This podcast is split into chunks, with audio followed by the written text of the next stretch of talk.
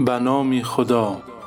رسول خدا حضرت محمد مصطفی صلی الله علیه و آله و سلم از شخص شنید که در دعا می گوید اسألوک خیر ما تسأل. خدایا بهترین چیزی که از تو درخواست می شود به من عطا کن. فرمود اگر این دعا قبول شود در راه خدا شهید خواهد شد.